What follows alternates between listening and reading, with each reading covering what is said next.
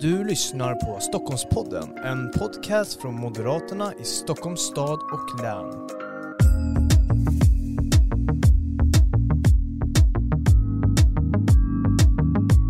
Varmt välkommen till ännu ett avsnitt av Stockholmspodden, Moderaterna i Stockholms stad och läns podcast. Eh, och med oss idag har vi Irene Svenonius, finansregionråd här i Stockholmsregionen. Varmt välkommen. Tack så mycket, det är roligt att vara här igen. Ja, precis. Du är en återkommande gäst så det är alltid lika roligt att ha dig med här. Eh, Ja, det är väldigt roligt våra samtal och jag hoppas att det är roligt för lyssnarna också. Ja men det är det. Och eh, vi ska ju kanske, vi gick ju, eller vi började ju med podden och då var det ju mycket pandemi. Vi pratade ju pandemi hela tiden.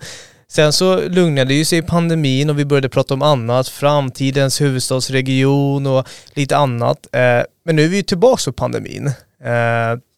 Och jag tänker bara att vi ska börja någonstans där att eh, pandemin är ju nu mycket på agendorna igen. Eh, och jag tänker dina tankesätt, vad tank, tänkte du innan att pandemin skulle komma tillbaka på något sätt? Eh, kanske inte i lika stor utsträckning men det bubblas ju ändå lite. Ja men covidviruset finns ju här för evigt så det är klart att det kommer alltid att bubbla. Eh, Och ehm, det blir diskussioner om nya mutationer och ska det bli nya vaccinationer och ska, nu är vi, ska vi göra en tredje dos, kommer det att komma en fjärde dos? Så det samtalet kommer ju alltid att finnas där men det kanske går in i en mer normal fas därför Mm. att vi ser ju att vaccinationerna gör resultat. Vi har en högre smittspridning i Sverige nu men vi ser inte att det är lika många som hamnar på sjukhus som det var innan vi hade vaccinationerna. Och vi ser att de som hamnar på sjukhus och framförallt i intensivvården det är personer som inte har ett fullgott vaccinationsskydd i första hand. Mm. Och eh, man har ju kunnat läsa nu under veckan att eh, vården blir mer och mer belastad. Men hur belastas vården just nu då? då? Och eh, om smittan då skulle öka ännu mer? Ja, eh, vården i Stockholm är just nu högt belastad. Inte minst akutvården. Vi har just nu fyra sjukhus som är i stabsläge. Men den främsta orsaken till det är faktiskt inte covid-19 utan säsongsinfluensan som har kommit ovanligt tidigt och som innebär att det är många som söker akut vård. Och eh, vi har dessutom vinterkräksjuka som är på ingång samtidigt som vi nu har något fler som har covid-19 igen än vad vi hade tidigare under hösten. Men den, det som driver trycket just nu förefaller faktiskt vara säsongsinfluensan. Mm. Och man har gått upp i stabsläge på några av sjukhusen. Vad menar man med det här med stabsläge? Vi bara ska reda ut det innan för de som kanske inte riktigt är helt insatt i ja, sjukhusen och dess organisation. Ja, när, när sjukhusen går upp i stabsläge då beror det på att man har ett väldigt högt tryck och man måste kraftsamla. Man måste se till att flytta resurser inom sjukhuset till akutmottagning, till att säkra upp vårdplatser för att eh, sjukvården ska fungera oerhört väl när vi blir sjuka. Och eh, stabsläge är en signal om att då går ledningen in och man använder alla verktygen i verktygslådan och kanske också eh, stänger ner viss planerad vård som kan vänta under tiden som man hanterar det här exceptionella trycket som vi just nu har då på vissa av våra akutmottagningar till följd av både covid-19 men framförallt säsongsinfluensa och andra vanliga sjukdomar som vi också drabbas av. Mm. Och eh, det vi vill göra nu det är ju inte att covid-19 ska dra iväg. Vi vill försöka att stoppa eh, det och minska det. Men så här, vad kan vi göra just nu då för att minska smittspridningen? Vi kan göra en hel del på det individuella planet, det har vi ju lärt oss under pandemin. Men jag tänker från regionens håll, behöver man ta till några särskilda åtgärder? Jag tror att det absolut viktigaste är att människor har ett fullgott vaccinskydd. Har du inte tagit dos 1 eller dos 2, gör det så fort som möjligt för det ger varje person ett fullgott skydd mot svår sjukdom och död. Och så fort du erbjuds dos 3, ta den också. I övrigt så handlar det ju väldigt mycket om att ge akt på symptom, stanna hemma och testa, testa, testa för att vi ska säkerställa att vi inte sprider covid-19. Och det är ju så finurligt att om vi håller lite avstånd, om vi tänker på vår handhygien och om vi ser till att vid minsta symptom hålla oss hemma, ja men då hejdar vi ju smittspridningen också av säsongsinfluensa och vinterkräksjuka. Så att det är som ett litet kinderägg de lösningarna. Mm. Och eh, det här det pratas ju en hel del om vaccin. Vår partiledare Ulf Kristersson har ju varit ute i vaccinfrågan och menar att det här är svaret till att ja, dämpa smittspridningen och ja, kanske på något sätt fasa ut corona från världen så småningom. Eh, men vi har ju också i, under pandemin här i, Stockholmsregionen haft utmaningar med att få folk att vaccinera sig i vissa eh, bostadsområden och så vidare. Hur jobbar ni där i regionen idag? Vi jobbar ju oerhört målmedvetet med att göra det enkelt för människor att vaccinera sig. Vi har mobila vaccinationer. 15 olika mobila vaccinteam åker runt i det här länet just nu och där kan man vaccinera sig utan tidsbokning. Vi har information på olika språk. Vi har informatörer som går runt och pratar med människor i centrumanläggningar. Vi samarbetar med olika trossamfund där vi kan nå ut och ge information om varför vaccinationen är så viktig. Och den handlar ju om inte att vi kan bli av med covid-19 för den kommer att finnas. Mm. Men det handlar om att ta ner risken för att bli svårt sjuk och dö av covid-19. Och då är vaccination oslagbart. Men det är ju som vanligt, vi, vi kan hjälpa till, vi kan göra det enkelt, vi kan hålla ett erbjudande och vi kan informera. Men det sista beslutet tar ju var och en. Vill man ta vaccinet eller inte? Och det beslutet kan inte vi göra åt människor. Vi har inga tvångsmedel och det tycker jag inte heller att vi ska ha för att det är viktigt att människor får bestämma själva. Vi kan vädja, vi kan informera om att ta vaccinet. Sen tror ju jag att det är viktigt att man kopplar eventuella restriktioner om vi får en stor smittspridning som leder till en eh, stor belastning på hälso och sjukvården och vi ska ha fler restriktioner. Då tror jag ju att man ska fokusera de restriktionerna på de personer som inte är vaccinerade. Det vill säga, har du gjort allt det som vi i samhället har bett om och vädjat om? Har du tagit dina vaccindoser och du håller avstånd och du hjälper till? Ja, men då ska du också kunna ha din frihet att delta i samhället. Det här är ju undantag. Jag vill inte ha några restriktioner för någon vill jag verkligen understryka. Men om vi måste ha det på grund av smittspridning och på grund av en hård belastning på vården, ja då ska vi se till att, att eh, använda vaccinpass. Mm. För jag är övertygad om att vaccinpassen i sig leder till att det är fler också som tar vaccinet. Det har vi sett här nu under december månad att det är många fler yngre stockholmare som plötsligt har gått och tagit sin första dos vaccin. Därför att när man vill ha ett vaccinpass för att kanske gå ut på krogen eh, eller gå på en fotbollsmatch, ja då är det ju vaccinet som är lösningen. Mm. Så jag tror att det motiverar människor att också ta vaccinet och bli påmind om alla kanske inte är aktiva med vaccinmotståndare utan det har bara inte blivit av att man har gått och tagit vaccindoserna.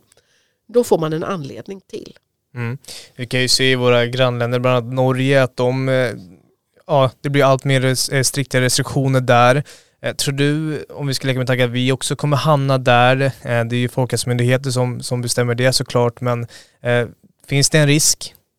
Risken finns ju alltid och då menar jag att då ska man koppla det till vaccinpass.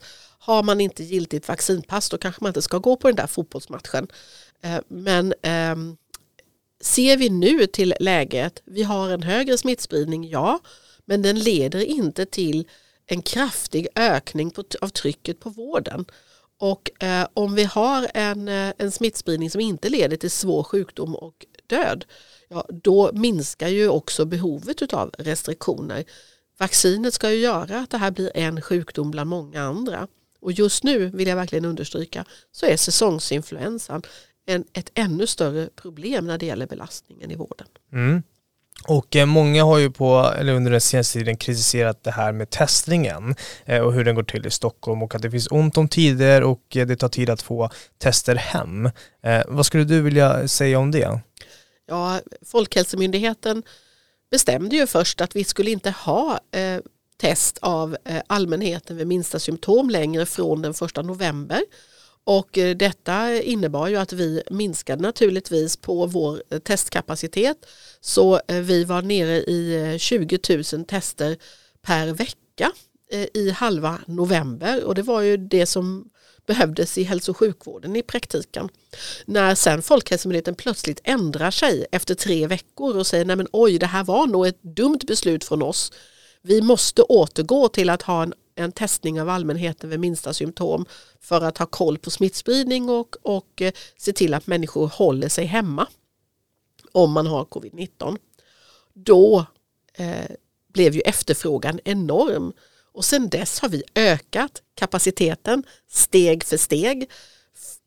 Förra veckan genomförde vi 72 000 tester och vi är inte nöjda. Vi ska uppåt 90-100 000. Det är bättre att ha en överkapacitet. Det vi ska komma ihåg är att eh, vi, det vi har problem med är, har varit hemleveranserna just. Eh, inte analyskapaciteten på våra laboratorier. Och det hänger ihop med tidigare under pandemin så eh, hade taxi inga andra kunder att köra. Man hade, pandemin gjorde att inga människor var ute och rörde sig. Så att taxibilarna kunde i princip 100% ägna sig mm. åt att köra hem hemtester till människor åt oss. Det kan de inte längre. Vi har nu varit tvungna att hitta andra lösningar för hemtester. Och det kanske också vi ska ha lite perspektiv på att det är ett enormt fint erbjudande som jag är stolt över att man kan få ett hemtest enkelt till dörren som också hämtas upp vid dörren. I Östergötland så eh, har man infört den möjligheten den här veckan. Under hela pandemin tidigare så har egenprovtagning inte varit tillåten i Östergötland. Apropå skillnader mellan länen och hur vi jobbar. Men vi skalar nu upp hemtesterna och att man kan hämta Eh, sin, sitt PCR-test på många apotek och lämna in den igen. Det kan man ju inte göra själv, då måste man ju ha någon anhörig eller någon vän utan symptom som gör detta. Mm. Och eh, det är en hel del snack om det här med dos 3 och påfyllnadsdosen som man väljer att kalla det också. Eh, hur går det med den? Vad, vad är statusen? Det går faktiskt väldigt bra. Vi eh, har skalat upp också där eh, vår vaccinationskapacitet väldigt kraftigt. Vi ligger nu uppe på 80 000 vaccinationer per vecka. Vi ska upp i 100 000 vaccinationer per vecka till årsskiftet. Vi har eh, i dagsläget eh, givit nästan 70 procent av alla över 65 år deras tredje dos. Och då är det av alla över 65 år, alla över 65 år har ju inte tagit dos 2. Mm.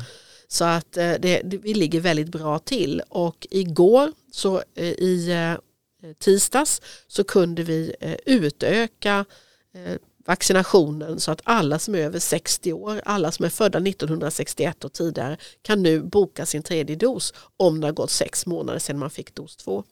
Mm. Och eh, det här med, ja, många undrar ju såklart när fler åldersgrupper för dos 3 också släpps på. Eh, när kan det hända att kanske 40-åringar? Vi kommer att eh, släppa på ytterligare eh, åldersgrupper eller ytterligare i befolkningen så fort det bara är möjligt. Och eh, den information jag har är att det kommer att vara i närtid som vi kan erbjuda ännu fler dos 3. Vi ska komma ihåg att alla som kan komma i fråga för erbjudandet nu är de där det har passerat sex månader sedan man fick dos 2.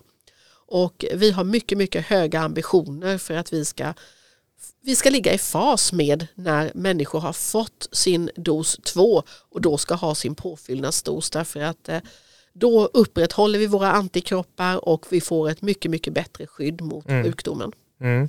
Och eh, vi var tidigare inne lite på det här med de nya restriktionerna och vi har ju tidigare i den här podden pratat en hel del om samarbetet mellan Folkhälsomyndigheten och regionen. Eh, och jag skulle bara vilja fråga hur samarbetet fungerar just nu. Eh, efter en tid med pandemin, det har gått upp och ner, men hur fungerar det just nu?